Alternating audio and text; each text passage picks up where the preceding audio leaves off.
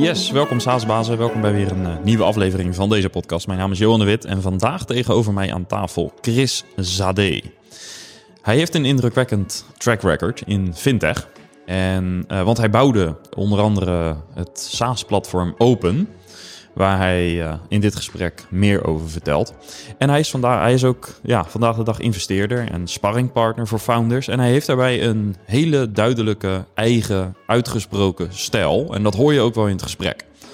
Zo beginnen we met een uh, hele vermakelijke anekdote die veel zegt over Chris. En uh, die anekdote stamt uit zijn tijd als CEO van Open. En ja, ik beloof je gewoon een interessant en boeiend ondernemersverhaal. Ja, en deze aflevering wordt mede mogelijk gemaakt door Leadinfo, software waarmee je zakelijke websitebezoekers herkent. Een voordeel aan Leadinfo vind ik persoonlijk de koppeling met CRM-systemen die ze hebben. Want uh, ja, denk aan HubSpot, ActiveCampaign, Close, Pipedrive. Eigenlijk alle CRM-systemen die ik bij veel SaaS-bedrijven zie, daar zijn ze mee gekoppeld. En met die integratie push je websitebezoekers naar je CRM en worden de bedrijfsprofielen in je CRM automatisch aangevuld met de data van Leadinfo. Dus ga naar uh, leadinfo.com slash saasbazen om te zien hoe dat werkt en om het uh, twee weken gratis te proberen. Dan is hier nu mijn uh, gesprek met Chris. Heel veel luisterplezier. Ja, Chris, welkom. Dankjewel. Leuk dat je hier bent. Ja. Het is een beetje koud, je zit Ja. met je jas aan. Ja, nee, je hebt geen verwarming, dus het is een be- ik hou mijn jas aan. Ik, had, ik heb ook een muts in mijn auto, die moet ik echt verhalen zo. Ja, ik had je een primitieve setting beloofd, dat is Ja. aardig gelukt. Ja, nee, zeker. Ja, nee, het is een, heel, het is een heerlijke ruimte zonder verwarming. Nee, top. Oké, maar dat houdt ons wel lekker scherp en dat is belangrijk. Ehm, er is voor vandaag heel veel om over te spreken. Maar eh, ik wilde beginnen met een, een ding wat in het voorgesprek voorbij kwam. En dat vond ik zo geestig, want dat typeert jou volgens mij ook wel. Eh, er was volgens mij ooit, eens een sales manager, eh, ik denk in je tijd bij Open, die tegen jou zei, of sales manager, director, weet ik niet, maar in ieder geval iemand van sales, die tegen jou zei, veel die, ehm, die getatoeëerde shark diving, uh, thai-boxende figuur, die moeten we niet bij deze deal aan tafel hebben, want dan verliezen we hem. En dat ging over jou. Ja, dat klopt. Ja, Kan je het verhaal daarachter uitleggen? ja. ja als wij, eh, wij verkochten eh, software voor banken en verzekeraars, financiële instellingen, maar we focusten op ons de vrij grote. En, eh, en daar zit natuurlijk een bepaalde cultuur bij die partijen. Een corporate. eh, Ja, corporate. Hè, dus wel de Nationale Nederlanden, Egon, Volksbank. Weet je, dat, dat soort eh, clubs als klant. En, eh, maar om ze binnen te halen, maakten wij eigenlijk een soort profiel van, van dat bedrijf. En dan keken we eigenlijk naar alles. Dus we keken naar hun jaarrekening, wat er in de pers over ze gezegd werd, wat analisten zeiden, wat ze zelf zeiden. We maakten een profiel van de bestuurders, van de commissarissen, van de IT, van de partners. Eigenlijk het hele ecosysteem rondom een klant. Wat speelt daar nou? En, en, en wat is dan het haakje waarom wij interessant zouden zijn? De ene keer is dat prijs, en de andere keer is dat innovatie, de derde keer is dat efficiëntie. Dus dat, dat, ik geloof dat je niet 25 boodschappen moet eh, eh, geven. Dus je moet geen 25 tennisballen gooien, je moet er één gooien. Dus daar waren we altijd naar op zoek met een team. En, ehm, en daar horen dus ook de mensen bij die we aan tafel zetten. Hè? Zetten we iemand aan tafel met, eh, met grijze haren? Of zetten we juist hele jonge mensen aan tafel? Zetten we de IT'ers aan tafel? Of juist niet, omdat ze te eerlijk zijn? Hè? Dus we waren daar echt... We deden heel veel voorwerk voordat we zeg maar gingen pitchen. Ja. En eh, bij één eh, partij daarvan... eh, en we vroegen dus ook in onze omgeving naar mensen die al met hun werkten. Hè, Dus bedrijven die ze al als, als klant hadden. Of Ja, want die waren al door het procurement Ja. proces. Ja. ja. hoe gaat hun procurement proces? Dat is een hele goeie. Weet je, wat vinden ze belangrijk? Wie zijn de rainmakers? Welke mensen hebben een grote waffel, maar hebben niks te zeggen? En welke mensen, weet je, daarvan denk je, oh, dat is een of andere inkoopmanager, maar die heeft een haakje met de CEO en die werkt er al 25 jaar en die is juist heel belangrijk. Het maakt hele profielen eh, tijdens ons sales eh, traject. En bij een van die partijen zei iemand tegen, tegen mij van ja, wil je die klant binnenhalen? Ja, ja, ja. Ik zeg nou één ding, dan moet jij niet aan tafel gaan zitten. Ik zei, oké, ja, wat een eh, shark divende, kickboxende, getatoeëerde tech, on, tech nerd. Ja, daar zitten ze echt niet op te wachten. Dus eh, stuur gewoon mensen in pak met een brilletje en een scheiding. En, ehm, en dat heb ik ook gedaan. Dus eigenlijk de hele sales traject heb ik niet aan tafel gezeten. En dan hebben we een heel ander team. En, en, en ja, elke keer tijdens dat traject kwamen we natuurlijk wel bij elkaar en bespraken we de dingen. Dus Ja. ik was wel involved in dat traject. Maar ik heb... eh, Achter de schermen dus. achter de schermen. Ja. Maar ik heb nooit aan tafel gezeten. Ja. Dus, eh, dus dat is heel grappig. Ja, dus het begint met een grappige anekdote, maar ik wist dat er wel iets van een lesson learned in zat. En de. TKW is hier ook onder andere dus een hele gedegen voorbereiding en eh, doen wat, je, wat, wat, het, wat nodig is om de deal te scoren. En niet zozeer je ego laten voorop stellen en, en naar binnen rennen. Nee. Ja, en heel goed onderzoek doen. Kijk, als je, het hangt natuurlijk van je doelgroep af, wie je wil binnenhalen. Maar als je je wil richten op grote corporates, of groot, zeg maar eh, 500 man, eh, 500 man personeel plus. Hè, en dan zeker in de financials, dan moet je heel goed snappen wat, eh, wat daar speelt. Ja. Dus ik had laatst had, had toevallig iemand langs via via. En toen zei, en die zei ik tegen, dus altijd de vraag die ik stel. Dus wie is jouw eh, elephant client? Wie is gewoon die ene klant dat als jij, jij mag kiezen, die wordt morgen klant. Hè, wie is dat en waarom? En, ehm, en toen zei die persoon, die zei, eh, ja dat is knap, knapbank. Ik zeg, oké, dat is interessant. Wie is de CEO? Eh, weet ik niet. Wie is de eigenaar van Knap? Eh, weet ik niet. Wat is de grootste gebeurtenis van Knap afgelopen zes maanden? Eh, weet ik niet. Ik zeg, oké, maar dan moet je met iemand anders gaan werken, want ik zou stapelgek van jou worden. Hè, dat is gewoon Ja. super slecht. Ja. Hè, bedoel, ze zijn overgenomen. Want ze zijn van Egon. Hè? En Egon is overgenomen door ASR. Dus Dat moet je weten. dat als moet je weten. Ja, Ja, je moet weten wat daar speelt. Dus als je dat weet, dan weet je ook een beetje wat, wat voor programma's daar nu eh, spelen. En dan is er een ontvlechting gaande. Dat ze dus, omdat ze weggaan bij Egon en naar ASR. En natuurlijk zitten die systemen ook gekoppeld aan de boekhouding van Egon bijvoorbeeld. Ja. Ja, als je dat allemaal niet weet, nou, dan laat ik het zo zeggen, dan verklein je de kans op het binnenhalen van die partij als klant. Ja. Ehm, Oké, we, we zijn meteen eh, van een, eh, wat lijkt op een gimmick naar gelijk eh, diep Ja. in de inhoud. Dus dat vind ik leuk. Ja, dat wordt maar- in één keer serieus. Sorry, dat is niet de bedoeling. Oké, dan gaan we het over de tatoeages hebben. want dat zat ook in die quote. Welke tatoeage heeft het meeste betekenis voor je? Poef. Oh, dat is heel, dat is heel moeilijk. Ehm, zo. Ja, dat, nou één, ik heb er heel veel. dus, eh, zowel mijn armen als mijn benen zitten helemaal onder. Dus dat is, eh, dat is een lastige. Dus ik denk dat ik er wel, eh, nou ja, tientallen heb. Ehm, ja, maar misschien wel degene die ik je net liet zien. Ik heb een, eh, ik heb een krab op mijn, aan de binnenkant van mijn arm getatoeëerd. En van, ik heb alleen maar Polynesische tatoeages. En vanuit die Polynesische gedachte, die staat voor iets vastpakken en niet loslaten. En, eh, en ik denk dat eh, perseverance eh, als ondernemer ongelooflijk belangrijk is. Want in de krant lees je natuurlijk allemaal hele goede dingen. Die heeft dit aan funding opgehaald en dat bedrijf is overgenomen. Maar de complexiteit en de struggle en de tegenslagen die je moet ondergaan, die zijn ontzettend zwaar. Dus ik heb met bijvoorbeeld, ik, ik ben mijn bedrijf in 2000, eigenlijk eind halverwege 2008 begon ik een beetje met de plannen en ik ben 2009 begonnen met, ehm, met drie oud collega's. Ja, en de eerste 250 keer eh vindt iedereen het een kut idee. Ik bedoel, eh, de eerste 250 keer dat je pitcht, eh, is niemand enthousiast en haal je niemand binnen en zegt iedereen nee. Ja, dat is ontzettend zwaar. Het is alsof het, ik zeg wel eens, is alsof je zeg maar op de middelbare school zit. En, Honderden blauwtjes loopt. zeg ja, en dat je gewoon een paar honderd blauw. Als ik ga, als ik, als ik bij 500 meisjes eh, ga proberen interesse te, te polsen, dan zou er toch wel één van die 500 zijn die me op zijn minst een beetje interessant vindt. Ja. Ja, als je dan eh 500 keer nee hoort, dat is ontzettend zwaar. Om dan door te gaan, dat is, eh, ik vond dat in ieder geval eh, heel intens en heel eh, mentaal heel zwaar. Dus die tatoeage, die heb ik ook eh, gezet om me daar elke keer aan te blijven herinneren. Ja, want, want welke functie heeft die tatoeage? Is dat inderdaad de herinnering? Of wat, wat maakt, wat, Ja, hoe, op welke manier helpt die je? Nou, het is een symbool. Het is ook iets waar je voor staat. Het is, iets, het is een soort anker. Het is een soort anker wat een onderdeel is van wie je bent als persoon en waar je voor staat en wat je belangrijk vindt. En, en, en, en, en als je. Als je denkt, als je, als je de handdoek in de ring wil gooien, dat je daar naar kijkt en dat je denkt, nee, ik ga toch weer proberen. Ik ga toch weer, ik ga toch weer met, met volle enthousiasme. Er moet gewoon iemand zijn die dit gaat zien. Wij, wij hadden zoiets van, wat wij maken is echt factor duizend beter dan wat er is. En er moet iemand zijn die dat ook gaat zien. Ja.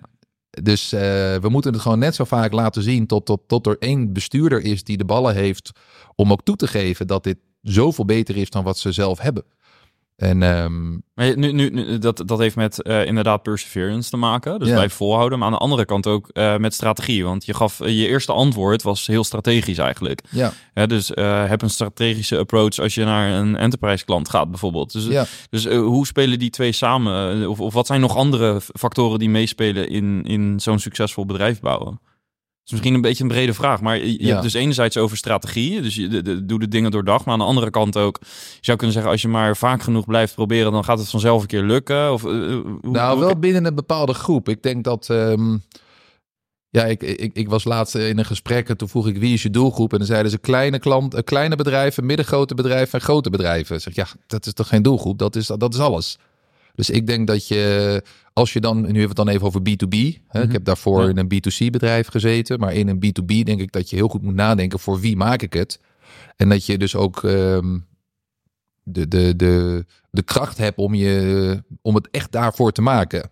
Dus in ons geval dachten we, ja, als je naar alle banken in de wereld kijkt, nou, dan moeten we gewoon de hele grote moeten we gewoon vergeten de eerste vijf jaar. Hè? Ik bedoel, UBS gaat niet een paar honderd miljoen rekeningen door eh 100 IT'ers op het rokin laten administreren. Dus ook al worden we daarvoor uitgenodigd, laten zitten. Ja, en de kleine Jippe Janneke, Oh ja, laten zitten als in niet eens gaan. Nee. Geen tijd in. geen in- tijd. Nee, die gaan we toch niet binnenhalen. Hm. En, eh, en misschien zijn we wel gewoon opvulling voor, eh, Hm. voor zo'n pitch. Weet je. Ook niet moet- om te leren. Nee, we hebben gewoon we hebben geen tijd. Focus, Hm. focus, focus. Dus we hebben ons gewoon ontzettend gefocust op voor wie wij dachten dat onze oplossing heel goed werkte. Dus als je zegt er zijn eh, 50.000 financiële instellingen in de wereld. Nou, dan vergaten we in ieder geval alles. hè, dus Noord-Amerika, Midden-Amerika, Zuid-Amerika, die vergeten we. Ja. Dus nou, dan, ga- dan gaat het door de helft. Nou, dan vergeten we de andere kant ook even. Dus laten we zeggen, er zijn er 5000 in Europa.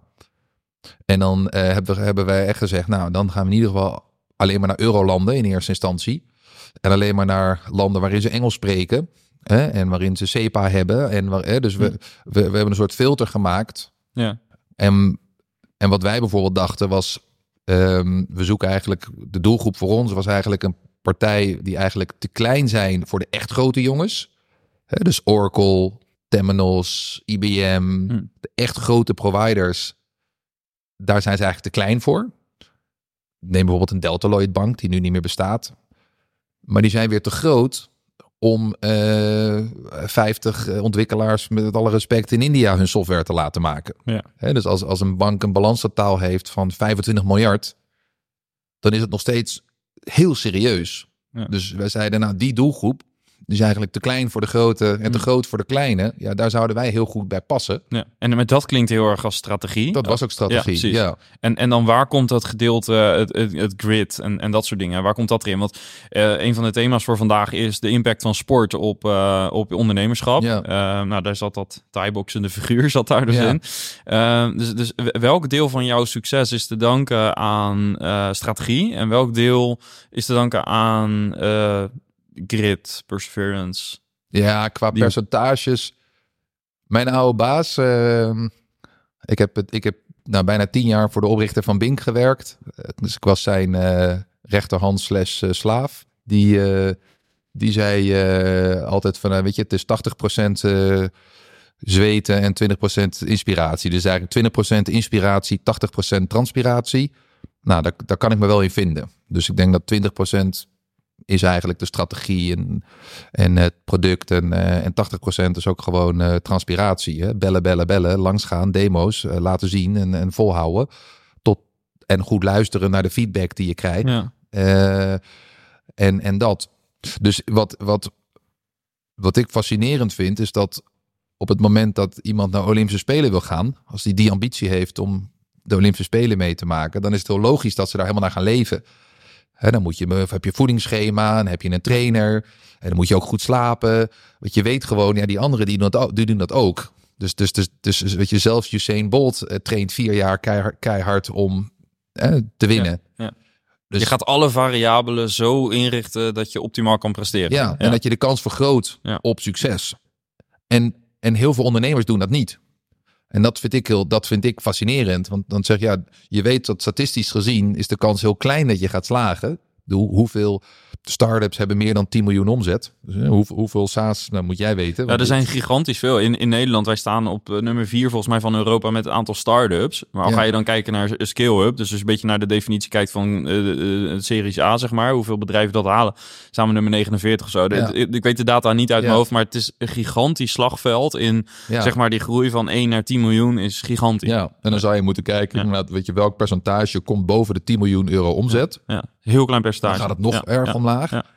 Dus ik dacht van ja, als dat de statistieken zijn, ja, dan moet ik zeg maar een leven creëren en ook een, en een cultuur creëren waarin we de kans zo groot mogelijk maken dat we het halen. En als we het dan niet halen, dan kunnen we ook elkaar in de spiegel in de ogen kijken en dan kan ik mezelf in de spiegel bekijken en dan kan ik zeggen, oké, maar ik heb er echt alles voor gedaan. Maar zou je ook niet kunnen zeggen dat... eh, ik, ik zeg daarmee niet overigens dat, dat, eh, dat de juiste manier is om hier naar te kijken. Maar eh, wat je eigenlijk zegt is... kijk naar topsporters. Die verzorgen hun lichaam. En die zorgen dat ze zelf optimaal kunnen presteren. Ja, doe dat als founder ook. Want Ja. daarmee kun je in ieder geval de kans vergroten dat je bedrijf... Maar is het ook niet zo dat founders zo hyper-focused zijn op hun bedrijf, op hun sales, op hun product, op dat soort dingen, dat ze eigenlijk ook niet meer denken aan sporten. Of misschien er wel aan denken, maar er gewoon niet aan toekomen. Omdat ze niet zichzelf, persoonlijk, maar dat ze hun bedrijf op inzetten. ja, maar ja, en ik denk dat dat, een- dat, dat een flaw is Hm. van die mensen.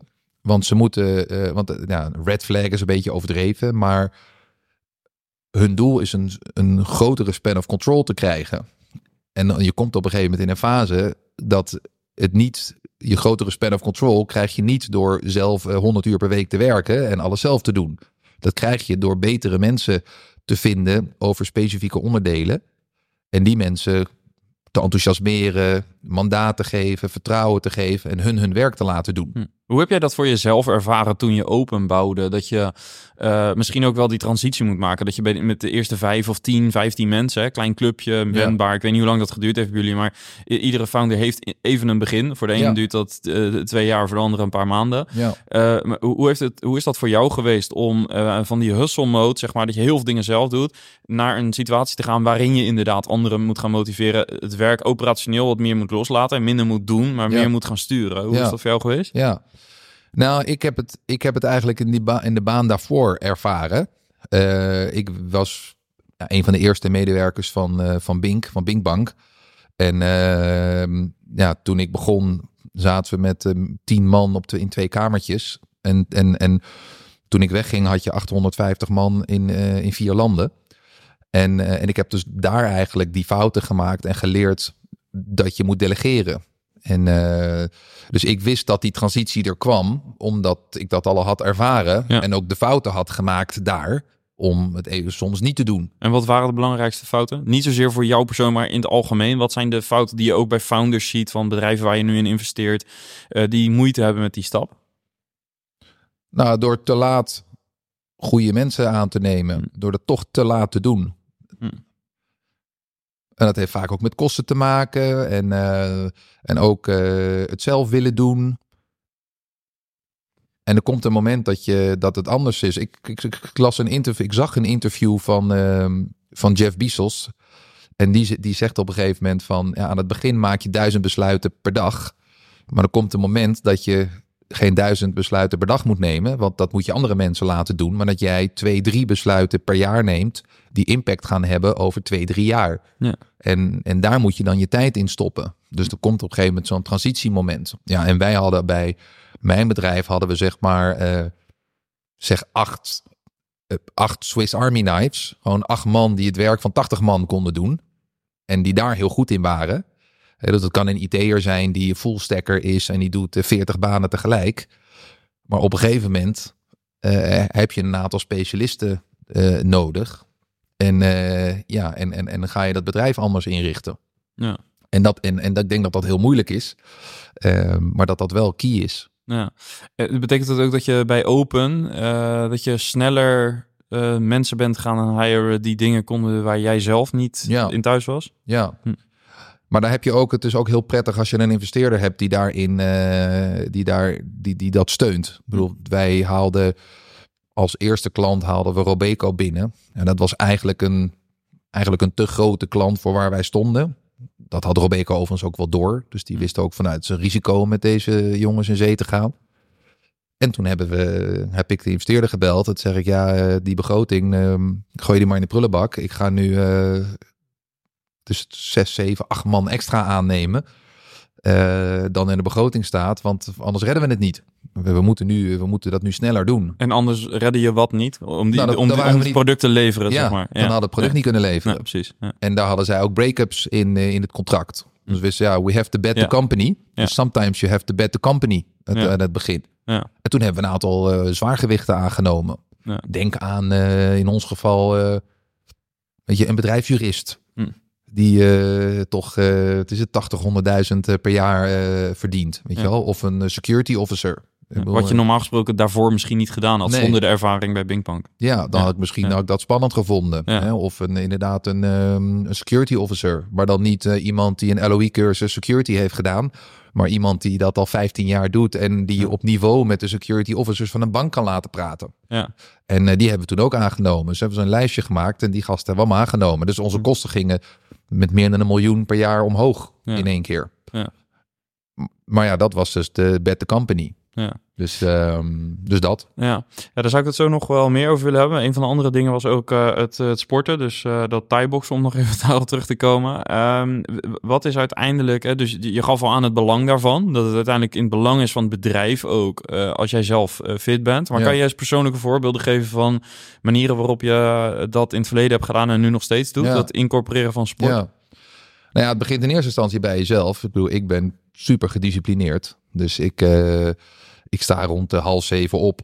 En dan eh, ga ik als eerste ga ik drie kwartier lopen met de honden. Dus dan is het, eh, dus dat, dan ga ik eerst naar buiten. Dus als je naar buiten gaat en je gaat wandelen, dat is al gezond. Hè? Je krijgt het, eh, het licht in je ogen en weet je, je hele hormoonhuishouding gaat, gaat werken. Dus ik ben drie kwartier buiten.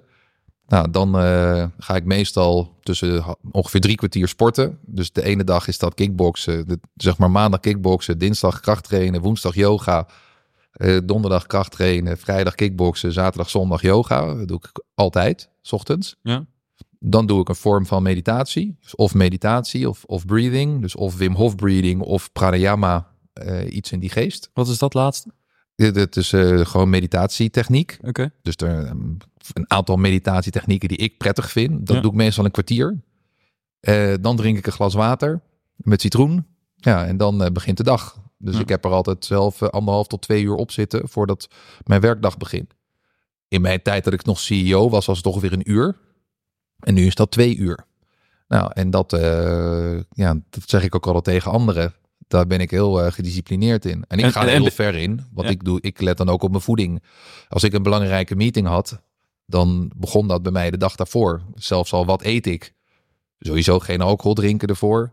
Ehm, zorgen dat je goed slaapt. Dus dan deed ik s'avonds deed ik eh, drie kwartier avondmeditatie. Zodat ik goed sliep. En dan had ik de avond ervoor wat ik, waar ik op lette. Dus dan had ik eh, zalm en groenten. Hm. Maar dingen die makkelijk verteren. En s ochtends eh at ik niet. Want ik doe ook aan intermittent fasting. Ja, en dat, dat, dat, dat allemaal om die belangrijke meeting, om daar super enthousiasmeerd en focus en scherp daar, daar te zitten. Dus ik ging daar heel ver in. En Ja. ik faciliteerde dat ook op kantoor. Ik bedoel, eh, ik had de 300 vierkante meter gym op kantoor. En ik had vijf, zes keer per dag, dat per, per, per week, dat er personal traders kwamen. Ik hoorde net, eh, ik- een opname hiervoor was met een van jouw oud-teamleden. Ja, En ik eh, kon het natuurlijk niet laten om even wat vragen te stellen. En die zei ook van, nou, als ik aan Chris denk, dan is het give it all. ja, Always. ja. Dat is echt het mantra, het basismantra. Ja. Herken je, denk ik? Zeker. zie, ja. Eh, ander eh, typisch ding was inderdaad dat eh, wij zelf een sportschool onder het kantoor hadden. Ja, Ehm, en ook heel goed uitgerust en, en Ja. dat zingen. Eh, en dat er soms eh, ook profboxers eh, Ja. over de vloer kwamen om te trainen. ja. Dus het, ook dat was niet half aangepakt, zeg maar. Nee, zeker. Nee, dat was, eh, dat was allemaal gratis. En, eh, en nou, kijk, de helft van de mensen vond het fucking mooi. En de andere helft eh, dacht, eh, wat de fuck komt hij me zeggen dat ik dat moet doen? Hoe ga je om met, die laatste, met dat laatste deel? Nou ja, ik zei gewoon heel simpel. Ik zei, je hoeft niet te gaan, maar er is een grote correlatie tussen je bonus en, en, en, je, en, en, hoe vaak je in de gym komt. Dus stonden ze, stonden ze met z'n allen. Tof man, die gym. Dus eh, ja, kijk, als iemand het echt niet wilde, dan ging ik het niet door zijn strot duwen. Maar ik probeerde het wel te stimuleren. Ja. En ehm, ja, dus we ook gewoon de, de voeding die op kantoor werd gemaakt, was voeding van topsporters. Hm. En, en dat konden ze gratis krijgen als ze wilden. Als Ja. mensen daaraan mee wilden doen. Dus Ja. bij mij, eh, bij mij eh, werd- werd dat allemaal gemaakt. Ja, en als mensen mee wilden lunchen, waren ze welkom. En dan kregen ze allemaal hele gezonde eh, dingen voor optimal performance. Ja. En ik deed ook eh, bijvoorbeeld ja, mensen die net begonnen, stagiaires, nee, die moesten een zware training eh, doen. En kijken of ze een beetje doorzettingsvermogen hadden. Wa- Was dat de, de bekende fietstocht in Barcelona? Nee, Of nee, dat nee, was nog iets anders? Ook, dat ook. Dat, dat, die bestond ook. Dat was inderdaad dat we hadden een development center in Barcelona opgezet. Waar tientallen developers eh, werkten. En dan hadden we twee fietsen. En degene die dat runde was eh, een van de mensen die ooit als stagiair is begonnen. En ja, dezelfde mentaliteit had als, als wij, als de founders. Dus ik heb hem een beetje eh, onder mijn arm genomen en bij hem gedaan wat Carlo in het verleden bij mij had gedaan. Hè, hem eigenlijk gewoon opgeleid. En toen heb ik hem naar Barcelona gestuurd om, dat, om die, dat development center op te zetten en te runnen. En iedere keer dat er iemand vanuit Nederland daarheen kwam, dus het eerste wat ze moesten doen is van kantoor naar de berg fietsen omhoog. Ja, dat is ongelooflijk zwaar. En eh, ja, dat was fantastisch. En dan hielden we alle tijden bij. En, dus je maakt het ook competitief. ja, maar wel, ja, maar het maakt niet uit als je, als, als je het maar doet, als je maar Ja. meedoet. Ja. En ook eh, zelfs trainers vanuit Nederland gingen wel eens naar eh, Spanje. Want de Spanjaarden vonden het in het begin een beetje raar. Van hoezo eh, moeten we kickboksen? ja. en, eh, Laat me met rust, laat me gewoon programmeren. ja, of we zeiden laten we dan voetballen, weet je wel. ja. Ik, nee, we gaan trainen. En uiteindelijk vonden ze het allemaal super lachen. Ja. Dus eh, ja, ik denk dat dat, dat, dat eh, ja, in ieder geval bij ons was het een part of de cultuur. En ik vond het fantastisch. Ja. En we deden zelfs de implementaties om ook daarin ander. Het was ook part of de strategie om anders te zijn dan, dan de anderen. Eh, Dan, Was het eh, ook om, om, om mensen aan te trekken die dit al in hun DNA hebben? Ja. Ja, er waren ook mensen die dachten, ja, wat een overdreven gedoe, heb ik helemaal geen zin in. En die kwamen dan misschien ook niet bij Nee, werken. is fine, dat is ook helemaal Ja. prima. Dat pas hier niet. Wij vonden dat mooi, dat ja, ja die saamhorigheid, Ja. de teambuilding en, en ervoor gaan. Ja. En, eh, Maar het verraste mensen dus ook niet. Want je deed dit eigenlijk al vanaf minuut Ja. één in een sollicitatie. Je straalde het daarvoor zelfs al uit. ja, zeker. Ja, ja. En, met, en we deden zelfs eh, de implementaties met klanten, begonnen dan bij ons in de sportschool. Dus waar met andere bedrijven, ja, doe je een kick-off en dan ga je ergens zitten en dan ga je meteen over dat project hebben. En wij lieten dan eh, verschillende profboxers of eh prof-kickboxers komen, eh, twee, drie tegelijk. Ja. En die gaven dan een, een hele ochtend een seminar. En dan hadden, weet je, dan hadden, hadden wij hadden we t-shirtjes laten, lieten we maken van bijvoorbeeld Open en Nationale Nederlanden. Ja, En dan gingen die teams samen, ja, die moesten anderhalf jaar zo'n project doen. ja. Ja, en dan Dus je betrok ook klanten erbij? ja, ja. En dan lag iedereen, die lag na anderhalf uur half dood in het zweet, lag iedereen op de grond. En dan even bijkomen, met elkaar eh, goed gezond eten. En hebben we starten dat, pro- dat, proces. Dus het het- het is ook bonding. Ja, ja. Hey, en Chris, je, klinkt echt super gedreven, hè? dus super veel drive. Eh, eh, waar is dat, is dat begonnen in je carrière of gaat dat veel verder terug? Waar komt die drive vandaan? Ja, ik denk dat het een stukje DNA is. Hm. En ook misschien een stukje wat je hebt meegemaakt in je leven. Dus ik denk dat het een combinatie is daarvan. Dus ik denk dat het in mijn, in mijn DNA zit, omdat ik met, altijd met alles zo ben. Ja, ik kan ook niet anders. Ik kan ook niet, ik bedoel, ik padel met mijn eh, vrienden van de middelbare school. En ehm, ja, dat doen we niet voor de lol. Dat is gewoon. Je moet gewoon winnen. Ja, en iedereen heeft dat. We willen, we, weet je, we- het is gewoon oorlog op die baan. En daarna zijn we weer allemaal vriendjes. Ja. Dus dat doen we. Dat is niet. eh, we gaan gezellig even padellen. Maar En dat- hoe ver gaat dat terug? Eh, als je kijkt, eh, dingen, de bepaalde gebeurtenissen die dat gevormd hebben. Nou, wat ik al zei, ik denk dat het een combinatie is van DNA en van de gebeurtenissen. En het DNA is altijd, bedoel, alsof toen ik mijn eerste sport was hockey. En toen ik eh, de F'jes was, ja, toen was ik al zo. Dus ik ben gewoon altijd heel fanatiek eh, geweest met Ja. alles. Dus dat, dat. Maar het is ook eh, je gebeurtenissen. Ik bedoel, ik kom van een gescheiden gezin en moeder die geen alimentatie kreeg. En die ja, twee yogis moest opvoeden in er eentje zonder man, zonder geld.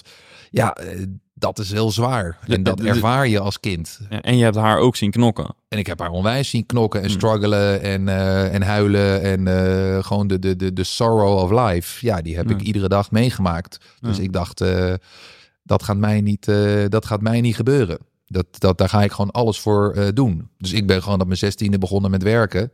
Ja, want, want je- je- je- dat gaat mij niet gebeuren. Maar eh, het recept, het medicijn, zeg maar, mouwen opstropen en Ja, volle bak heb je Ja. dus wel mm, overgenomen. Dat heb je meegekregen. dat, ja zeker. Maar Ja. dat was ook geen keus. Ja, bij, wij, ja, bij ons eh, het was niet zo dat, dat er bij mij gezegd werd: als je een fiets wil hebben of een scooter, dan uh, betalen wij hem. Of uh, je krijgt de helft van ons. Uh, nee, dat gewoon niks. Dat was niks. Dus als je dat zelf wilt, moet je ervoor gaan. Ja. En hoe verklaar je dat dat zo dat je dat nog steeds hebt? Want je zit nu ook gewoon nog vol vuur. Zit je hier ook aan tafel? Ja. je zou ook kunnen zeggen: veel, weet je, Chris, Alex, je hebt het zat meegemaakt. Je hebt al, je hebt jezelf wel bewezen. Dat daar hoeft niet meer. Dat hoeft niet meer. je hebt succes. mensen die vragen je advies. Eh, rustig gaan. Ja. Ja, maar die kant heb ik ook hoor. Ik bedoel, ik heb, ik heb het bij. Dat is de shark diving versie. Ja, ja, bijvoorbeeld. maar dat is ook alweer extreem. Dat is niet baantjes trekken of weet ik veel nee, Nee, dat klopt. Ja, ik weet het niet. Moet je aan een psycholoog vragen, denk ik. Maar ik ga wel ieder jaar, ik ga, ik ga ieder jaar met mijn broer, alleen met mijn broer, dus zonder onze vrouwen, met z'n tweeën gaan we tweeënhalve weken ergens in de wereld shark diving doen. En dan doen we wel hardcore diving. Maar dat komt ook door ervaren. Ik bedoel, ik doe het al 30 jaar en uh, ja, ik heb honderden duiken gedaan. Dus op een gegeven moment uh, geloof je het wel om uh, Nemo te zien. Weet ja. je, wel? Dan, ja, je wil, je wil je grenzen verleggen, zeg maar. Nou, niet zozeer of... grenzen verleggen. Ik wil gewoon vette dingen zien. Ja, dus ik vind het mm. gewoon veel gaver om op 30 meter in een Malediven met stroming naar honderden haaien te kijken. Dan, um, ja, dan Finding Nemo te zien in Bonaire. Ja. Dus, maar dat heb ik ook gedaan. Ja. Maar je drive blijft dus. heb je het gevoel dat die sterker wordt? Of hoe, hoe ontwikkelt motivatie en, en drive, hoe ontwikkelt zich dat? Ja, bij mij is hij altijd hetzelfde geweest. dus ik, ik kan alleen voor mezelf praten. Ik bedoel, ik ben gewoon zo. Ja. En, en ik denk dat ik ook mensen aantrek die zo zijn. Um, en, ik, en, en, en, en, ik vind het ook heel irritant als, uh, als het niet zo is. Ik heb een keer meegedaan, ik weet nog heel lang geleden, want ik heb vroeger hoog gehockeyd. En op een gegeven moment ging ik, dacht ik, nou, zo'n vriendenteam is ook wel wat voor mij. Dus dan ben ik mee gaan doen met een vriendenteam. Toen moesten we om half tien in uh, Aardehout bij Rood-Wit moesten we hockeyen. En, en toen begon het keihard te regenen. En toen ging de, de, de, de, de verdediging ging naar de dugout. En die ging dus schuilen voor de regen. En het andere team liep dus door en scoorde. Ik zei, ik ga naar huis, want ik, ga, ik trek echt jullie kop eraf. Dat is, uh, ik, sta, ik sta hier om half zeven, sta ik op om mijn zondag om hier te hockeyen. En mijn teamgenoten, die, die zijn van suiker of zo, want het regent. Het zijn van suiker. Nee, ik werd echt helemaal gek. Ja. Dus ik werd en heel boos op hun. Ja. En ik ben ook gestopt met dat team. Ik denk, ja, dit is niks voor mij. Ik ga hier, uh, dit, dit, gaat echt schade opleveren, want ik trek echt zijn kop eraf. Uh, ja. Dus Ja. dat is gewoon, eh, dat is gewoon, eh, ja, dat is, dit is gewoon wat het is. Ja, ja, kan ik me voorstellen. Maar ik heb ook die andere kant, want ik kan ook, eh, ik vind het ook heerlijk om uren met mijn honden in het bos te lopen en, en niet, niet, niet zo te zijn. Dus, dus de balans is nu beter dan dat die was. Ik denk, Ja. dat, ik denk dat de balans verbeterd wordt naarmate je ouder bent. Maar Hm. als ik aansta, sta ik aan. Ja, Ja. maar je kan dat dus goed reguleren, zeg maar. Ja, veel beter dan vroeger. ja. En ik denk ook dat het makkelijker is. Kijk, als je, als je CEO bent van een bedrijf, je hebt een paar honderd man, je hebt allemaal klanten en je hebt investeerders en eh, iedereen zit aan je te trekken. Ja, dan, dan kan je dat wel willen, maar soms heb je dan gewoon een andere prioriteit en dan is het niet anders. Nee. Dat heb ik natuurlijk ook allemaal ervaren. Ja, Ehm, maar ik ben, ben blij dat het nu is zoals het nu is. ja. Ja. Zou je opnieuw zo'n bedrijf starten? Nee, voor mij niet. Nee. Maar dat is meer. ehm, eh, ik, ik, ik, begon op mijn, eh, op mijn achttiende bij de postbank. Dus toen werkte ik al fulltime. En daar had je toen had je nog dat je nog geen internet had. Had je ook avonddiensten, weekenddiensten. Dus ik nam altijd zeg maar de avonddiensten en de weekenddiensten. Omdat je dan 150% en 200% uitbetaald kreeg. Dus door vier dagen te werken kreeg je zes dagen betaald. Ja. En op mijn achttiende ben ik begonnen. Ja, op mijn 23ste begon ik bij Bink. Dat was acht jaar lang eh, nou ja, alleen maar werken. En dan één keer per jaar op vakantie. En iedereen deed dat. Ja. Dus het was gewoon extreem intens.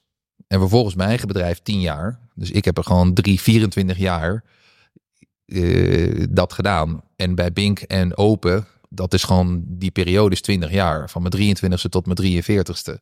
Gewoon non-stop. Ja. En daar heb ik ook heel veel dingen voor gelaten. Heel veel familie niet gezien. Heel veel vriendschappen die eh, zijn eh, verwaterd. Eh, Mensen die ik niet meer spreek. Het was gewoon alles voor het bedrijf, voor die twee bedrijven.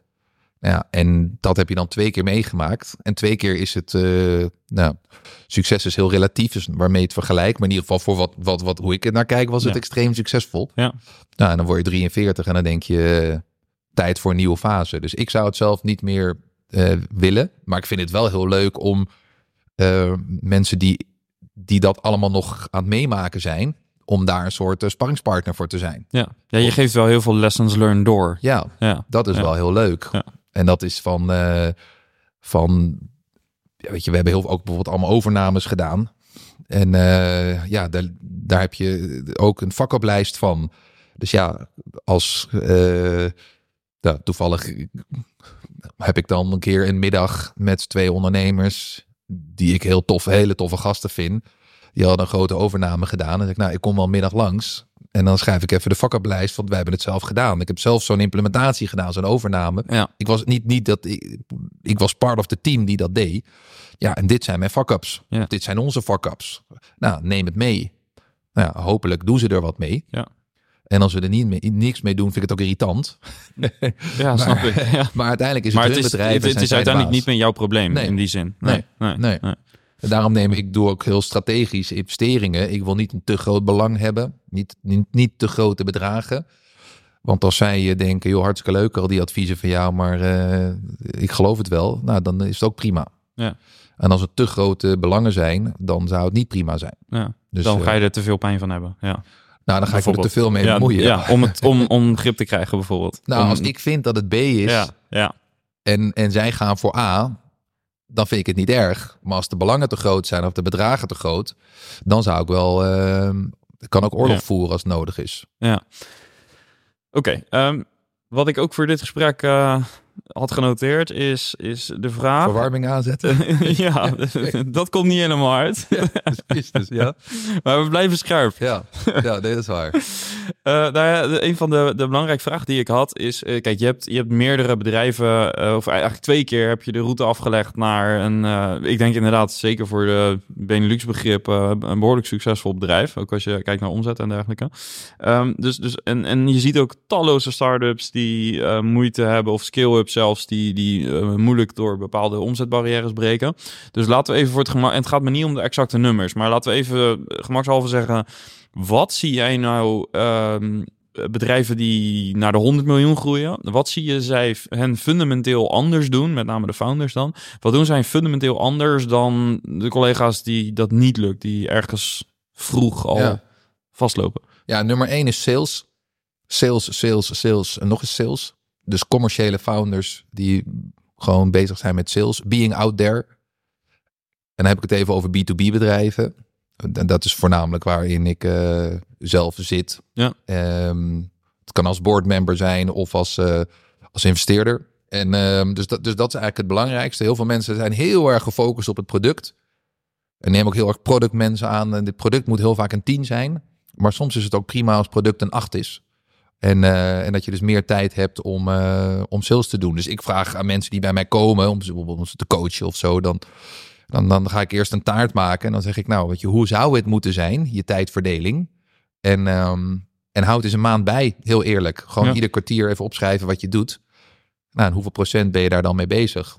Ja, en dus ik zie wel een hele, een hele duidelijke trend en een hele duidelijke rode lijn. Dat de bedrijven die heel succesvol zijn, dat het hele founding team gewoon heel erg ja, ook commercieel is. Hm. En gewoon out there is.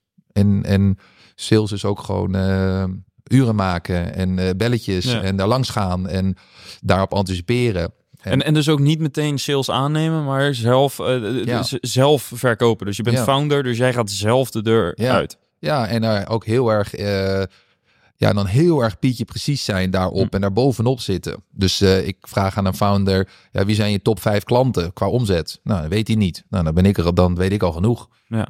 En een andere founder, nou, dan ga ik mee eten. En daar zit ik toevallig ook zelf in. Ja, en dan komt hij 20 minuten te laat. En dan zegt hij, ja, fuck, sorry man. dat was een heel belangrijk voorstel. En ik heb er toch nog even naar gekeken. En dat was toch nog niet goed genoeg. Dus ik heb toch nog even wat dingen aangepast. Ja, I love that. Dan denk ik, Ja. dat, is, dat is zoals je zou moeten Business zijn. komt van rechts, zeg maar. Ja, ja, en daarin extreem gedreven zijn. ja.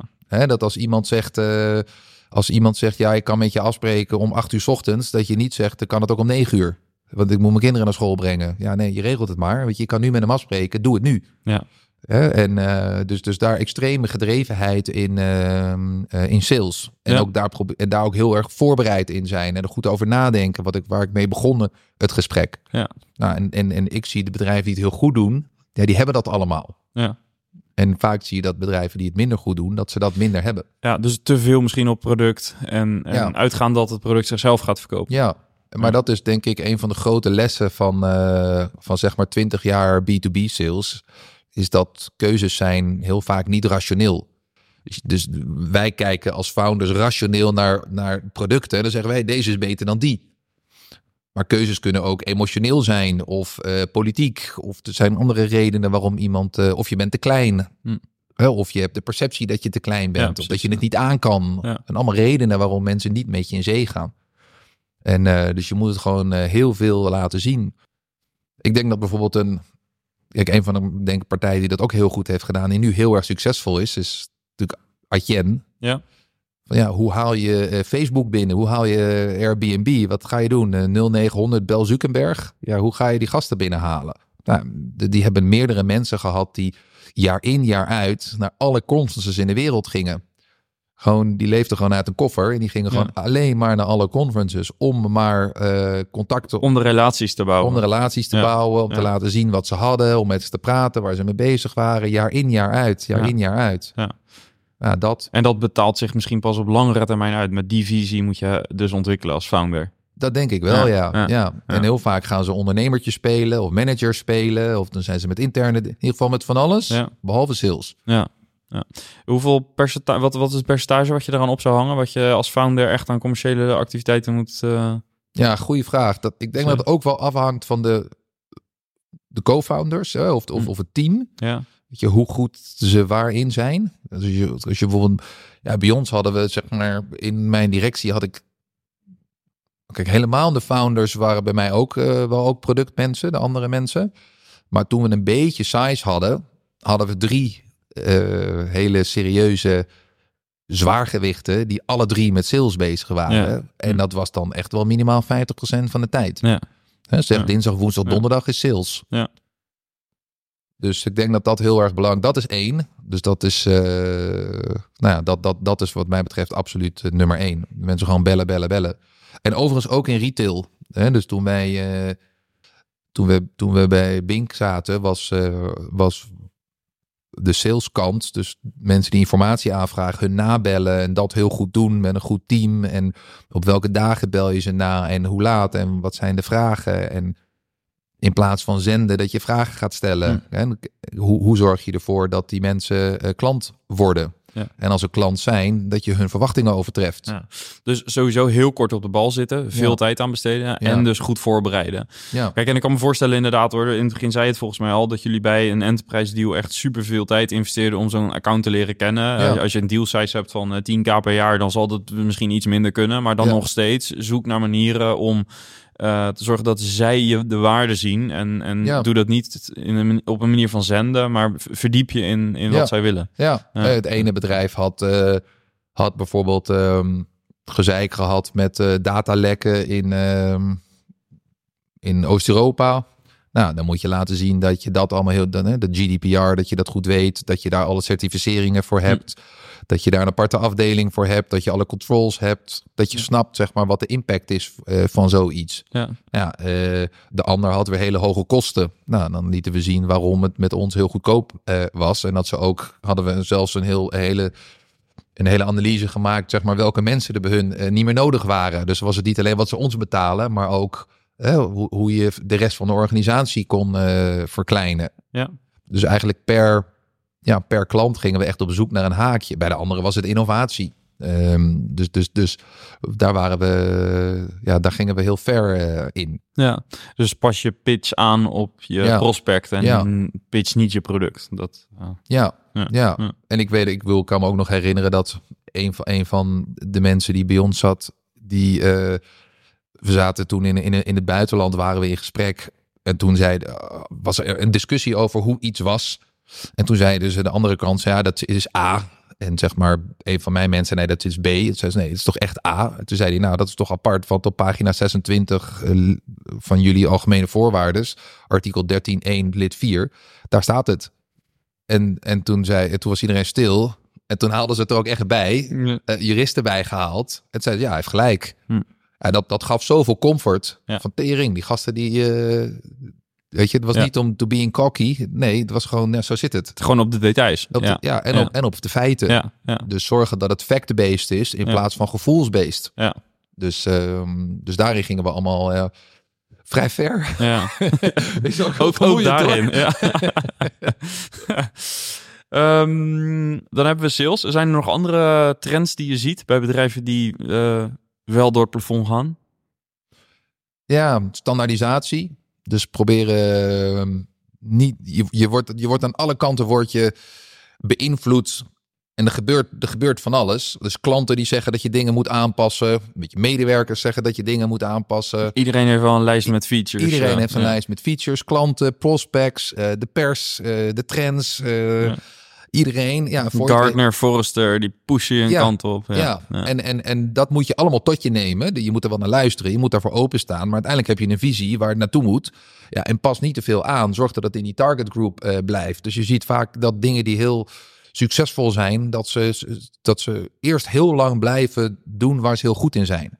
Waarom kan je bij, Net- bij Netflix niet nog geen ehm, eh, geluid, eh, sorry, muziek luisteren?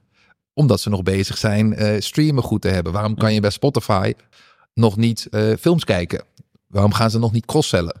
Nou, dat is, om, dat is een, van, een van die redenen. Ja. Hè, dus in, in het geval van Bink had je heel veel mensen die zeiden... ja, waarom is er geen Bink spaarrekening? Waarom is er geen Bink hypotheek? Waarom is er geen Bink creditcard? Waarom heb je geen betalingsverkeer? Ja, omdat we eh, zo goed mogelijk transacties willen uitvoeren tegen zulke laag mogelijke kosten met de allerbeste service. Ja, en, en, en toen het eh, zeg eh, 100 miljoen omzet was, toen, toen had iedereen zoiets van, nou, nu staat de basis een beetje. Ja, ja, het ja. fundament hebben we net neergezet. Ja, terwijl veel startups de, Ja. al in die verleiding komen bij 1 of 2 miljoen. Ja, Ja, ja, ja. En, dat, en, en dat was voor mijn eigen bedrijf ook eh, zo. We hadden gewoon een heel duidelijk doel van dit is het product. Dus wij waren de eerste, eigenlijk de eerste SaaS. Hè, het eerste bedrijf wat hosting en applicatie in één aanbood in de financiële wereld. Ja. Zeiden we ja, laten we eerst zorgen dat dat, dat ene product.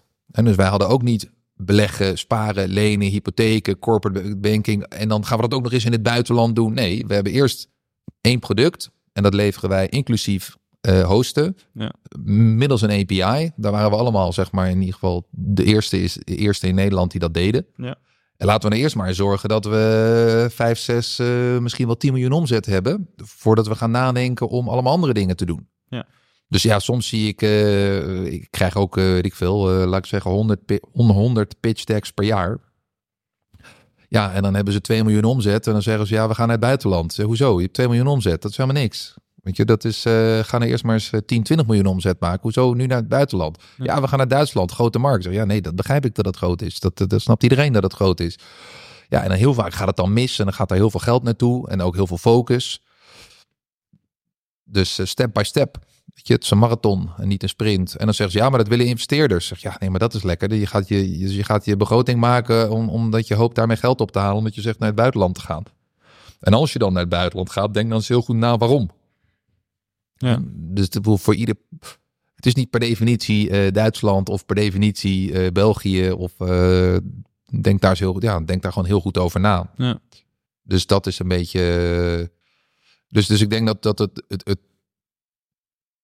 Hou het simpel. Hou het simpel. Zorg dat het werkt. Ja. Bedoel, En focus je dus op hele specifieke markt, Ja. op een heel specifiek product. ja, En dit wordt vaker gezegd, Ja. maar toch zie ik ook dat heel veel founders, en ik zelf heb dat ook in het verleden eh, vaak genoeg meegemaakt, dat je toch snel in de verleiding eh, komt om wel iets te doen, omdat een klant dan zegt, ja, maar dan ja. word ik klant. Ja.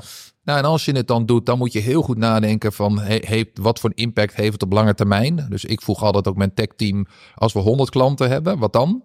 Werkt het dan nog steeds? Of hebben we er dan last van? Nou ja, hebben we heel veel last van. Nou, misschien moeten we het dan apart bouwen, weet je, als een Hmm. aparte, aparte engine. En dan zien ze het niet dat het niet gekoppeld is aan de, aan de, aan de hoofdengine. Bedoel, Soms moet je iets doen om een klant binnen te halen. Ik bedoel, wij hebben ook maatwerk gemaakt om een klant binnen te halen. Maar ehm, we proberen dat wel heel bewust bewust te doen. Dus Ja. van onbewust naar bewust. Ja, laat je niet meeslepen in de externe verzoeken, want iedereen heeft wel een wens. Ja. ja. En dan zie je dus dat succesvolle bedrijven kunnen schalen door, doordat het. eh ja, Ja, want die complexiteit zit, zit misschien, is misschien niet meteen een issue, maar Nee. ga je naar duizend, tienduizend, honderdduizend klanten, Ja. kan het wel een issue worden. Ja, ja. we're selling zebras, zeiden we. Zebras, ze zijn allemaal hetzelfde. En zebra's zijn allemaal hetzelfde. dat is wat je moet eh, doen. En dan krijg je ook dat de marges groot zijn als je, als je size eh, krijgt. Ja, daar zit je schaalvoordeel. Ja. En niet in het maatwerk. Nee. Nee. En ik denk dat dat bijvoorbeeld, ja, dit, weet je, Amerikanen zijn er heel goed in. Want als ze iets in New York bedenken, dan moet het ook in Ohio werken.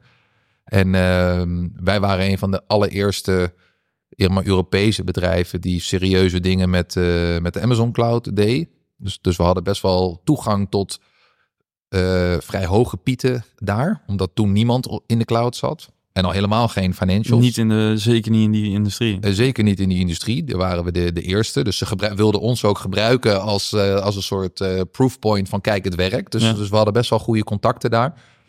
En dan zag je dat continu. Dat ging helemaal als een bank naar hun toe kwam en je zei: Ja, ik wil wel in je cloud, maar ik wil mijn eigen cloud. En ik heb daar een miljard voor over. Dan zeiden ze nee. Voor zover ik weet, hebben ze het alleen voor de CIA gedaan. Ja. En voor de rest deden ze dat niet. Dus, en, en dat had, heeft echt wel redenen waarom je kan schalen. Ja. Dus al die maatwerkverzoeken, ja, die deden zij niet.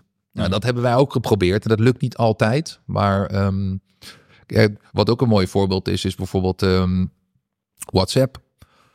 Dat, dat is heel lang, is dat gewoon, we willen gewoon kunnen, hè, kunnen Ja. appen en bellen. En dat moet gewoon van hele goede kwaliteit zijn. Ja. En daar zijn niet allerlei eh, features aan toegevoegd, totdat ze serieus schaal hadden. Ja, je ziet nu dat zijn iets, eh, communities en, en eh, channels, maar Ja. dat is echt pas van het laatste half jaar of zo. Ja, En ook nog heel sumier eigenlijk. Ja. Als je kijkt naar de resources die zij moeten hebben om een uitgebreid communicatieplatform te moeten bouwen, dan zou het geen probleem moeten zijn. ja, ja. Dus, dus is- kijk meer naar dat soort succesbedrijven. Ja, Eh, in Nederland hebben we Booking, we hebben. Adyen. Ja. ehm, hè, dus die hebben ook een hele duidelijke doelgroep. En eh, die zijn ook niet allemaal... Nu, nu doet Booking hè, ook villa's. ja, Maar eerst maar eens groot heeft worden. heel lang geduurd. Eerst maar size krijgen. Dus dat, dat is altijd mijn... eh want je past het niet te veel aan. En, ehm, ja, en uiteindelijk is het overtreffen van de verwachtingen van je klant... dat is toch echt wel een heel, een heel makkelijk recept. Hè, bedoel, dat deed Bink, dat doet een Coolblue... Je, Ja. dat deed Booking. Ja, het is een, het is een eh, bekend recept, maar is het ook makkelijk? Nou ja, Als, je je focust, zeg maar. als je je focust en Ja. je de juiste mensen hebt, Ja. ja, dan, eh, dan wel. Ik bedoel, toen we bij Bink eh, achterliepen met, met, e-mail, met e-mails, er werd gewoon de deur op slot gedaan, werden 20 pizza's besteld. En we gaan gewoon de hele avond en nacht alle e-mails, eh, inclusief de founders. Hè, dat, dat, eh, Carlo en Thierry stonden, ehm, stonden vooraan de rij om te helpen dan. Hmm. Dat was gewoon de, menta- de mentaliteit. Ja, als je nu, eh, ja, met alle respect, er zijn een paar nieuwe banken Ja. hè, die de afgelopen tien jaar zijn ontstaan. Ja, als je dan belt, zeggen ze ja, eh, de wachtrij is iets langer dan u van ons gewend bent. De gemiddelde wachttijd is 35 minuten. Denk je, Ja. vijf, what the fuck? Vijf, Dat is, ABN AMRO is nog sneller. Ja. Hoe Ja, denk ik je wou dat? zeggen, want dit gaat ook over, dit gaat over nieuwe, maar ook oude banken. Dit is, Dat is toch Ja. verschrikkelijk. Ja. Dat, eh, wil- Ja. En dan, eh, ho- hoezo, hoezo ga je naar huis? Ga zelf, aan het, ga zelf telefoon opnemen. Het zijn je klanten. ja. Dus, dus, dus die, die mentaliteit, die, ehm, die, die, die, ja, ik denk dat, dat dat gewoon de kans op succes eh, vergroot. Ja. In onze business wisten de, de, de klanten wisten gewoon van als wij een probleem hebben en we bellen die gasten van Open om eh, vrijdagmiddag vier uur en we hebben een serieus probleem. Ja, dan bleven we gewoon. En dan werd, werd alles voor het weekend werd afgezegd. Zegt joh, dit is onze trots, dit is ons product. En we gaan het gewoon fixen. Ja. En dat was gewoon heel erg de mentaliteit. En, en, en de juiste klant vindt dat, vindt dat fantastisch dat hè, eindelijk een leverancier die zo is. Ja. Dan moeten ze wel hun facturen betalen, hè, want ze moeten er ook wat voor terug doen. Ja. Namelijk ons betalen. Ja. Eh, maar dat, eh, ik denk dat dat een heel makkelijk recept is. Ja. Kijk, ik, ik, ik zeg ook wel eens tegen mensen van ja, ehm, stel dat je nou een, eh, noem, maar, noem eens wat, we, hebben een, we hebben een garage samen. Nou, wat gaan we doen als mensen hun auto komen ophalen? Nou, dan staan wij die auto schoon te maken. Komen ze binnen, zien ze dat we nog even... Een beter gevoel ga je niet krijgen. Ja, we maken Ja. nog even schoon. Ja, kunt u Ja. nog heel even zitten? Even vijf minuten, maak het even af. Maak even je mooie auto af. En dan komen mensen. Dat is niet alleen gemaakt, maar is gepoetst. Ja, wat ga je doen? Je gaat het aan honderd mensen vertellen. Ja. Denk, je, jezus, heb jij uh, gezeikt met je auto? Nou moet je echt naar die gasten gaan. Ja. En, eh, dat kan je overal toepassen. En zo simpel kan het dus zijn. Zo simpel kan het zijn. En Alleen, ja. heel vaak zie ik dat bedrijven dat niet snappen, dat mensen dat niet, of ze gaan, ze voelen zich er te goed voor. Zeg, ja, maar ik ben CEO, weet je, ik, ik, ik, ik bel de klanten niet, daar gaat iemand Ego. anders over. Je ego. Ja, ego, gast, wat Ja. lul je nou? Ja. Dus dat is eigenlijk, dus, dus één is eigenlijk sales. Het twee is het eh, niet alleen maar maatwerk maken en niet alleen maar tierenlantijnen toevoegen, that nobody cares. Ja. En, eh, en drie is eigenlijk dat stukje ego, dat je de bereidheid hebt om mensen aan te nemen die beter zijn dan jezelf. Ja. En dat is jouw taak. En dat je die mensen dan ook vertrouwt en mandaat geeft. En zorgen dat ze iedere dag met een glimlach wakker worden. ja. Eigenlijk waar we het daarvoor over hadden. Ja. Dus inderdaad zorgen dat eh, eh, eh, eigenlijk de learning die jij hebt opgedaan bij Bing Bank Ja, sneller mensen aannemen Ja. die goed zijn in dat wat jij misschien niet hebt, of wilt of kunt. ja ik denk dat ik... kijk, ik doe al 25 jaar tech. En ik was ook operationeel verantwoordelijk voor tech. Dus ik denk dat ik daar heel veel verstand van heb.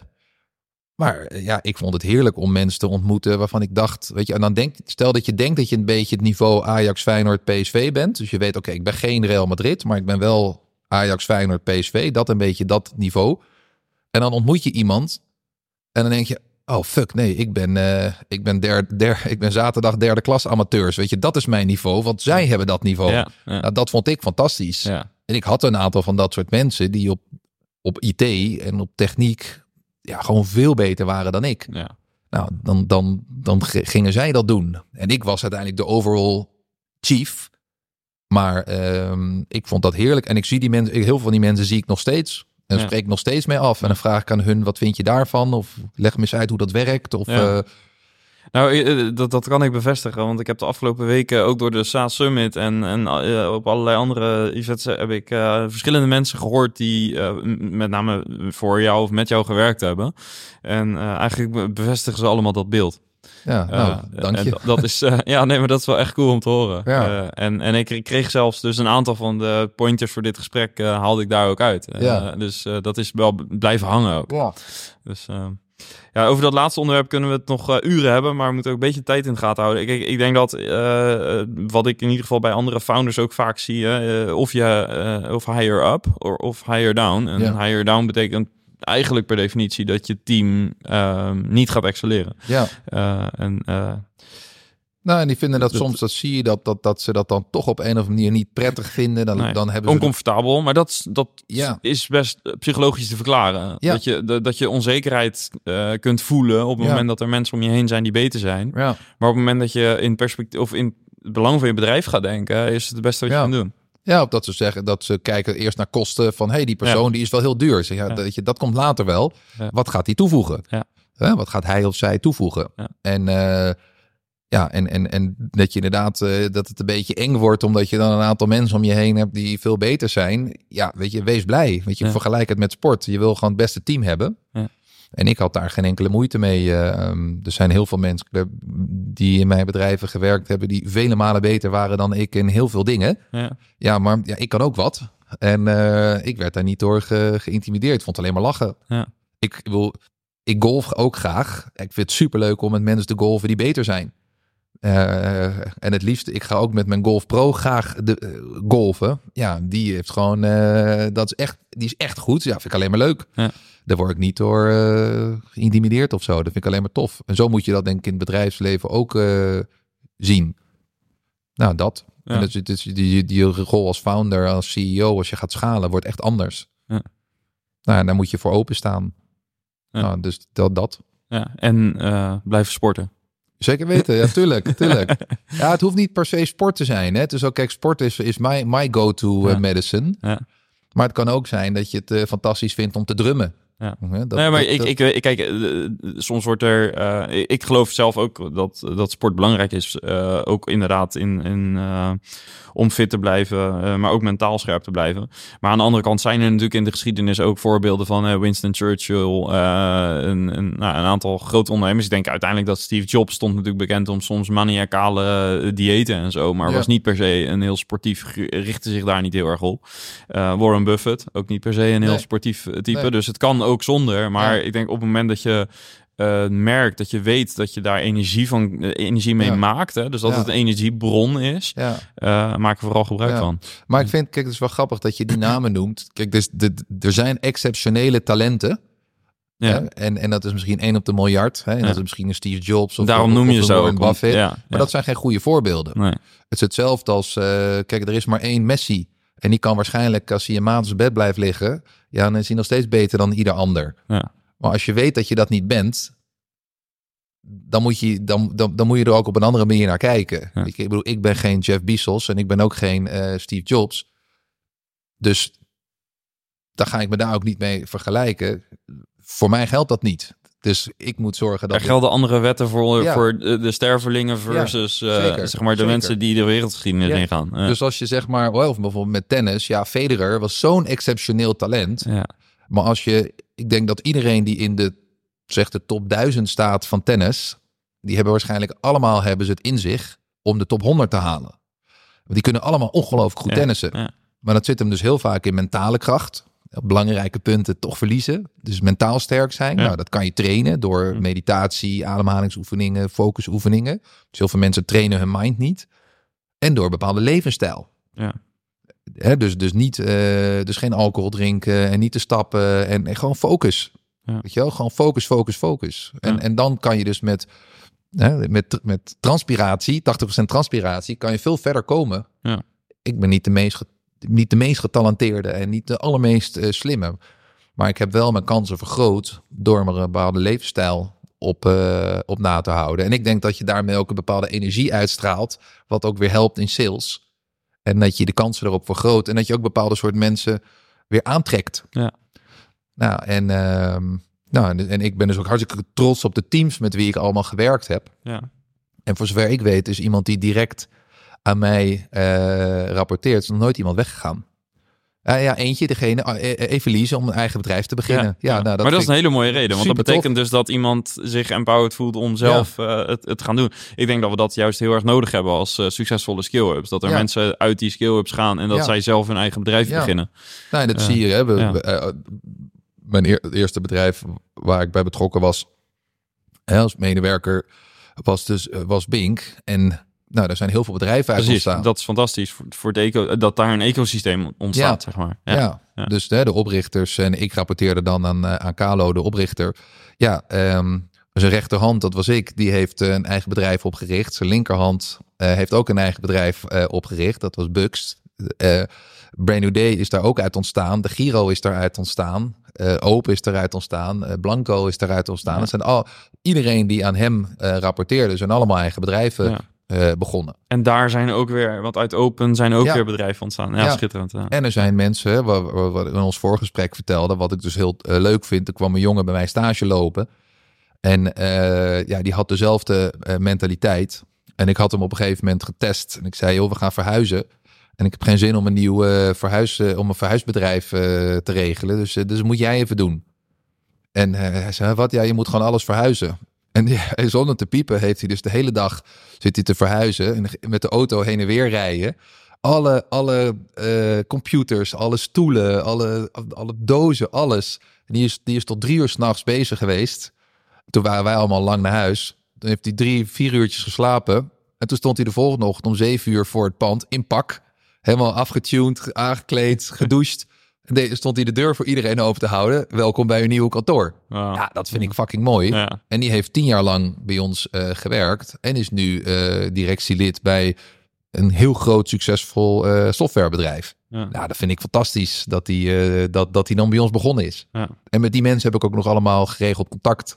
En dan ga ik ook nog steeds mee uit eten of sporten. Of, eh, Ja, ik of dan zeggen ben golf sporten. Ja, Ja. leuk. Ja, gaaf man. Ja. En dan ben ik ook nog steeds een, eh, een soort, van eh, soort van mentor voor. Dan bellen ze me en zeggen, joh, ik wil dit met je voorleggen. Nou, dan gaan we ergens eten. En. Dat vind ik super mooi. Ja, Ja. Gaaf. We hebben meer van dit soort successen nodig. Leuk. Ja. En eh, ja, thanks voor eh, sowieso dat je het nu wilde delen. Maar ook, ik, ja, ik weet dat je mentor bent voor eh, andere start-up founders. Dus eh, dat, is, eh, dat is top. Ja. Eh, als, eh, eh, ja, het lijkt me leuk om, dat vaak, om daar vaker eens wat eh, samen te doen. Te gek. Ja, nou tof. Ik eh, denk dat eh, ik denk dat je de kans op succes kan vergroten door een aantal dingen die heel makkelijk zijn. En Je kan op tijd komen. Je kan De basics eigenlijk. ja, tijd komen, voorbereid zijn, Ja. eh, geïnteresseerd, oprecht. Ja. Ehm, ja, zorgen dat je fit bent. Ja. Ja, al- al- allemaal hele kleine dingen. Zorg dat je op je voeding let. Ja. Dus dat zijn allemaal hele makkelijke dingen. Ja, mediteren, je hoeft niet eh, drie maanden in een grot in India te zitten. Weet je, je kan voor een belangrijk gesprek ga één minuut eh, ademhalen. Ja. En je bent al rustiger en kalmer. Dus eh, dat zijn allemaal hele makkelijke dingetjes die je kan, eh, die je kan doen.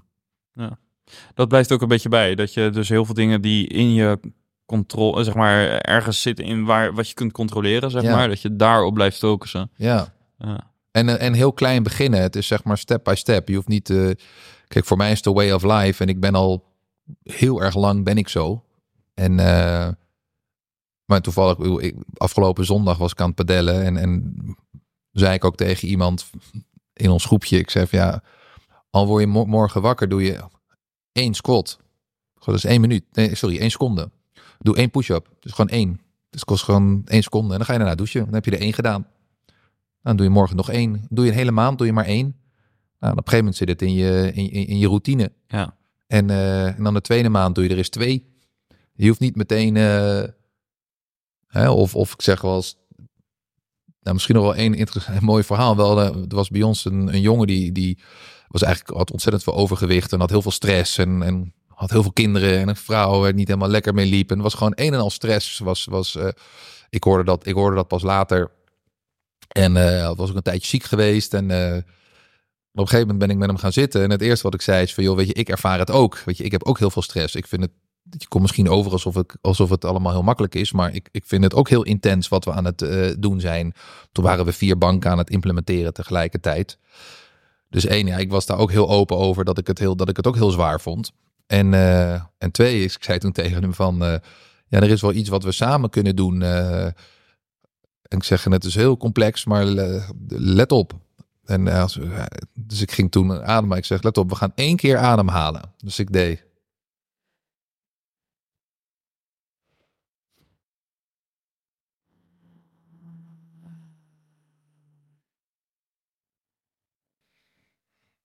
Dan vijf tellen in, tien tellen uit. Kost ons 25 seconden. En je bent meteen al een stukje kalmer. Hm. Ik ging dat samen met, met hem doen. En hij had al meteen zoiets van... Oh jezus, wat... oh, ik voel me al heel, heel klein beetje Ja, ja, ja. eh, eh, beter. Je had- een instrument. Ja, Ja. een hele, iets heel kleins. En ik heb toen ook tegen hem gezegd van... eh, weet je, die, we gaan die personal trainers die komen... we gaan zorgen dat ze één op één met jou gaan. Je hoeft niet met die groep mee te doen. Want er zitten ook mensen die super fit zijn. Weet je, die al jarenlang... eh, dus jij krijgt, jij krijgt je eigen... en die gaat het helemaal aanpassen naar jou... en dan ga je het ook doen als niemand erbij is... En dan stapje voor stapje. Dan zorg ik ook dat we iedere dag je eten gaan maken hier. Ik zeg, het enige wat jij moet doen is je moet van die 10 Red Bulls af. Krijg je gewoon elke dag water. Ja. Dat, is, dat is het enige wat jij hoeft te doen. Ja. Nou, dan hebben we mee, zijn we helemaal gaan begeleiden daarin. En dat vond hij fucking vet. Weet je, en uiteindelijk eh, deed hij gewoon eh, drie keer per week mee. Ja, dat is, dat, Ja, dat, dat, dat, dat is heel erg cool. Dus ik denk dat, ik denk dat je dat, dat, dat heel veel dingen vaak wat makkelijker zijn. Je, je, je moet niet kijken naar die toppen van de berg. Ja, eh, als ik ga denken, eh, ik moet zo worden als eh, Federer of als Steve Jobs. Ja, dan, dan vind ik mezelf toch een failure mijn hele leven. ja. Nee, dat hoeft, dat hoeft helemaal niet. Ik wil gewoon beter zijn dan gisteren, een klein stukje. Ja. En iedere dag een klein eh, beetje. En ik denk dat het, dat het heel, eh, heel erg kan, ehm, eh, kan helpen. En dan moet je niet vergeten de successen te- ook een beetje te, te vieren met elkaar. Dat, dat, dat is denk ik ook een goede les voor de tweede keer dan de eerste keer. Ik, ik vond wel eens bij, bij Bink dat, dat, we dat, dat, dat dat veel te weinig gebeurde. Het, het, het groeide zo hard en het, ging, het was, altijd, was altijd maar meer, meer. En er kwam alleen maar meer. En er was nooit tijd voor, voor even chillen. Dus dat was een van de dingen die ik anders wilde doen. Dat heb je bij Open meer gedaan? Ja. Dus ik heb een keer toen wij, uh, nou toen we die eerste klanten dus live moesten zetten, Robeco, dat was iets van uh, 20 maanden ongelooflijk rammen. Want we hadden, we hadden maar de helft van wat we verkocht hadden. Dus we moesten de andere helft nog even maken. Dus uh, we waren echt. Uh, ik denk dat we 20 maanden lang, 7 dagen per week, 14 uur per dag gewerkt hebben. Ik denk 15 man of zo heeft echt 20 maanden lang niks anders gedaan dan dat. En toen het live stond en het werkte. Toen heb ik de investeerders gebeld. Toen zei ik veel, ik, ik ga even iets raars doen. Ik ga 50.000 euro pakken. En ik ga uh, het mooiste chalet huren wat ik kan vinden. Een keten chalet met alles erop en eraan met koks en skileraren. En uh, ik wist niet eens dat het bestond. We hadden een eigen spa en uh, niet normaal. En we gaan met het hele bedrijf gaan we daarheen. Het hele bedrijf was toen 15 man. En, uh, en de mensen die niet kunnen skiën, die krijgen les. En we hadden een kok die, die ons eten maakte. En het was een chalet van, nou, ik denk dat het wel 1200 vierkante meter was. Ging helemaal nergens over. 14 kamers, iedereen zijn eigen kamer. Was echt fantastisch. Ja. En toen zei, en, maar de investeerder die snapte dat. En die zei van, ja, supergoed idee. En die zegt, ja, mag ik komen één of twee dagen? En ik ja, dat is goed. Dus die is twee dagen mee uh, geweest. En, die, en, en, ja, die was er. En die, en die heeft het dus ook gezien en ervaren. Ja. Ja, ja, ja. ja, En we hadden zelfs de klanten gebeld. We hadden toen Robeco gebeld. En we zijn, we, zijn, we zijn een week niet in Nederland. Maar we hebben alle computers meegenomen. We hebben alle computers vanuit dat chalet uh, aan de cloud aangesloten. We hebben shifts gemaakt. Dus niet iedereen ging iedere dag skiën. Dus zeggen we zijn er. En if shit hits the fan, rijden we in, in zeven uur rijden we terug met z'n allen. En laten we alles zitten. Ja, dat, en, en het vonden ze wel mooi. Zo, ja, dat hebben ze verdiend. Ja. En toen zaten we met z'n allen, zaten we gewoon een week lang uh, in, dat, uh, in dat chalet. Ja, dat was onwijs lachen. Ja. En dat is ook weer heel goed voor, voor het banden van het, uh, van het team. Ja. En ja, en dat deed ik wel wat vaker dan, um, dan in die eerste tien jaar. Ja. ja. Wat een lessen. Ja, een, allemaal free of charge. Ja. Ontzettend cool. Hoe laat is het? Zijn we al zo lang bezig? Ja, we zijn al even bezig. man. Maar maakt niet uit. Het is een van de langere afleveringen, maar met uh, elke minuut was het uh, hartstikke waard. Ondanks Cool. de kou, zeg het nog maar eens. Ja, ja, het is fucking freezing, maar oké. Klappertanden, maar het heeft wat moois opgeleverd. Ja. Dus, uh, hey, top, uh, Chris. Thanks. Nou, Echt, graag uh, gedaan. Gek. Leuk Ja. dat je er was. Thanks. Dat was dus mijn gesprek. Ik had je een boeiend verhaal beloofd en het lijkt me ook uh, geen woord te veel gezegd. Binnenkort ga ik trouwens in gesprek met iemand waarmee hij nauw heeft samengewerkt en zelfs een boek mee heeft geschreven. Angelique Schouten. Ik kijk ook uh, enorm uit naar dat gesprek. Ja, 130, dat is het aantal SaaS-apps dat het gemiddelde bedrijf tegenwoordig gebruikt. En dat is vorig jaar gemeten, in 2022. De meeste mensen denken dat hun, dat hun bedrijf slechts 50 apps gebruikt. Maar in de praktijk zijn het dus 130, bijna drie keer zoveel. En daarom introduceert StackDeck het eerste SaaS OS operating system ter wereld. De logische volgende stap in SaaS management. Van onboarding en offboarding tot een uh, handige application catalog. Ga naar stackdeck.com en start vandaag uh, met een proefperiode. Get your SaaS together. Stackdeck.com dus. Ja, dat brengt me helemaal aan het eind van deze, deze aflevering. Ik uh, ja, kan niet wachten om het uh, volgende gesprek op te nemen, zoals gezegd, met Angelique Schouten. Er zullen tussentijds nog een aantal andere gesprekken uh, en opnames zijn. Ook eentje met een oud collega van, uh, van Chris. Dus hou deze podcast in de gaten. Volgende week zijn we weer met een nieuwe aflevering. En voor nu weer bedankt voor het luisteren. Ciao!